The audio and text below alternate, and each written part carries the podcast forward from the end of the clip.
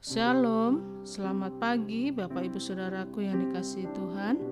Salam sejahtera buat saudara semua di mana pun berada. Saya mengajak Bapak Ibu Saudara untuk bersaat teduh dan berdoa Dalam renungan penuntun kehidupan setiap hari. Kiranya damai sejahtera dan sukacita oleh roh kudus Senantiasa melimpah dalam hati dan kehidupan kita semua. Tema renungan penuntun kita hari ini bersukacitalah. Ayat bacaan kita terdapat di dalam Filipi 4 ayat 4 sampai 7 dan di dalam ayat yang keempat berkata demikian. Bersukacitalah senantiasa dalam Tuhan. Sekali lagi kukatakan, bersukacitalah. Bapak Ibu Saudaraku yang dikasih Tuhan, bersukacita bukanlah sekedar anjuran dari Tuhan kepada kita, tetapi bersukacita adalah perintah. Karena Alkitab berkata bersukacitalah kamu dalam Tuhan. Sekali lagi kukatakan bersukacitalah. Jadi bersukacita adalah perintah buat kita. Kalau kita bersukacita berarti kita sedang menjalani perintah Tuhan. Dan kalau kita tidak bersukacita, bukan sekedar karena masalah kita berat, tetapi kita sedang tidak menjalani perintah Tuhan. Jadi, selama kita menjalani perintah Tuhan, pasti ada kekuatan buat kita untuk tetap bersuka cita dalam segala keadaan. Nah, Bapak Ibu Saudaraku yang dikasihi Tuhan, ayat firman Tuhan ini tidak ditulis oleh Paulus di belakang meja kerjanya. Tetapi kita tahu bahwa ayat ini ditulis di dalam penjara Dapat kita bayangkan bahwa Paulus sedang ada dalam masalah yang berat dalam kehidupannya sendiri, tetapi dia dapat menyampaikan perintah dari Tuhan, yaitu bersukacitalah.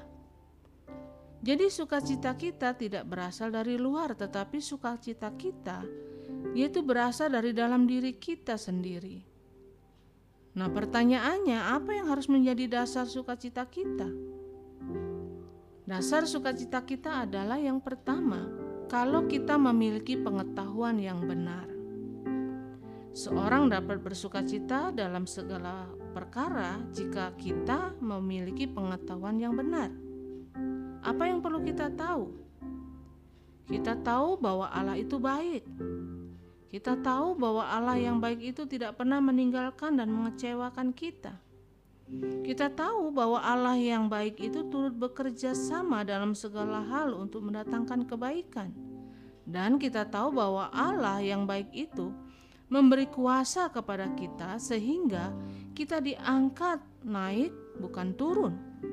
Tidak menjadi ekor tetapi diangkatnya kita menjadi kepala. Itulah dasar sukacita kita yaitu karena kita memiliki pengetahuan yang benar. Dan yang kedua, yang menjadi dasar sukacita kita adalah jika kita memiliki pengalaman yang indah bersama dengan Tuhan. Tuhan bukan hanya ilmu yang perlu dipelajari, tetapi Tuhan adalah pengalaman yang perlu dialami oleh setiap orang percaya. Ayub berkata, "Tadinya aku mengenal Tuhan dari apa kata orang, tetapi sekarang mataku sendiri memandang kemuliaan Tuhan." Orang-orang yang punya pengalaman dengan Tuhan, dia tidak akan bisa goyah dalam menghadapi apa pun. Bagaimana kita bisa mengalami pengalaman dengan Tuhan? Yaitu jika kita mengalami masalah dan kita selalu bergantung kepada Tuhan. Karena itu, biarlah setiap kita punya pengalaman yang indah bersama dengan Tuhan, sehingga itu akan menjadi dasar sukacita kita dan yang ketiga, apa yang menjadi dasar sukacita kita? Yaitu jika kita memiliki hati yang bersih, yang membuat kita tidak bisa bersukacita jikalau hati kita mulai serakah, hati kita sombong, hati kita mulai cemburu melihat orang lain. Tetapi kalau hati kita bersih, maka apa pun yang terjadi, kita akan berkata, Tuhan tidak pernah meninggalkan aku. Karena itu firman Tuhan hari ini mau mengingatkan kita dan mari kita jaga hati kita. Karena hanya orang yang memiliki hati yang suci, yang bersih, yang akan melihat Allah. Dan yang keempat yang menjadi dasar sukacita kita adalah jika kita memiliki tujuan yang benar dalam hidup ini. Tujuan hidup yang benar yaitu apa pun yang kita lakukan hanya untuk mempermuliakan nama Tuhan. Tujuan hidup kita yang benar adalah supaya semakin hari kita semakin menyenangkan hati Tuhan dan makin hari kita semakin serupa dengan Kristus. Itulah tujuan hidup orang percaya dan itu harus menjadi dasar sukacita kita. Nah, Bapak Ibu Saudaraku yang dikasih Tuhan, percayalah kalau tujuan kita jelas, maka kita tidak akan mudah bersungut-sungut. Karena kita tahu tujuan kita bukan hanya untuk memperkaya diri. Tujuan kita bukan hanya untuk menikmati kesenangan kita di muka bumi ini. Kalau tujuan kita jelas, maka hidup kita makin hari makin disempurnakan kita semakin berpegang pada firman Tuhan dan kita akan selalu bersuka cita di dalam segala keadaan. Karena kita tahu Yesuslah yang menjadi sumber sukacita kita, bukan yang lain. Amin. Mari kita berdoa. Bapa, terima kasih buat firman-Mu pagi hari ini bahwa sesungguhnya kami harus selalu bersuka cita bukan karena sekedar anjuran tetapi bersuka cita adalah sebuah perintah yang harus kami kerjakan.